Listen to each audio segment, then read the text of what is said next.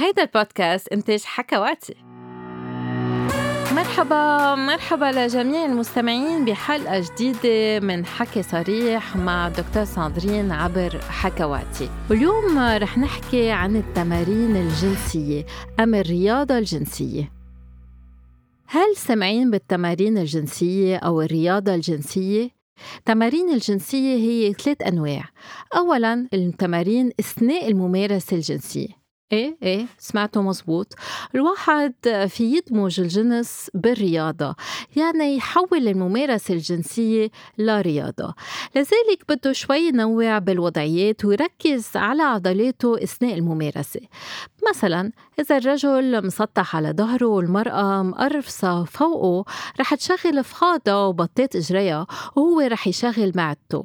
وإذا انحنت شوي لقدام بهالطريقة رح هي تشغل معدتها وهو إذا رفع حاله شوي بهالطريقة كمان هو رح يحرك معدته وعضلات الحوض.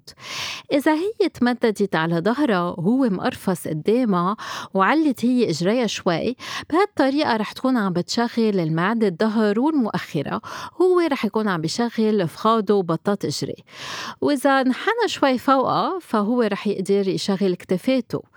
وإذا هو وراها وهي منحنية قدامه على كواعها بهالطريقة رح تكون عم بتشغل كتفاتها وزنودها وظهرها هو عم يشغل خصره وظهره.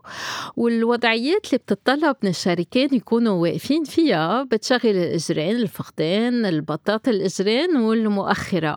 والوضعية وين المرة بتكون قاعدة على شريكها أم وجه بوجه أم بارمة وجهها كمان بتخليها تشغل الفخدين وبطاط إجريها تاني فئة من التمارين هي التمارين الخارجية.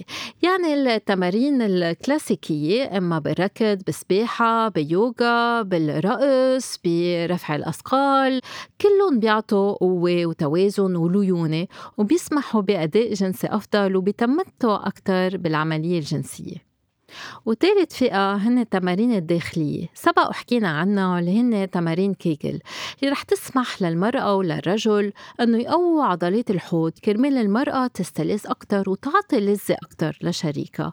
وكرمال الرجل يقوي الانتصاب ويسيطر على قذفه. وهيك بتخلص حلقتنا لليوم. ما تنسوا تشتركوا بالبودكاست وتعملوا like. يلا bye bye.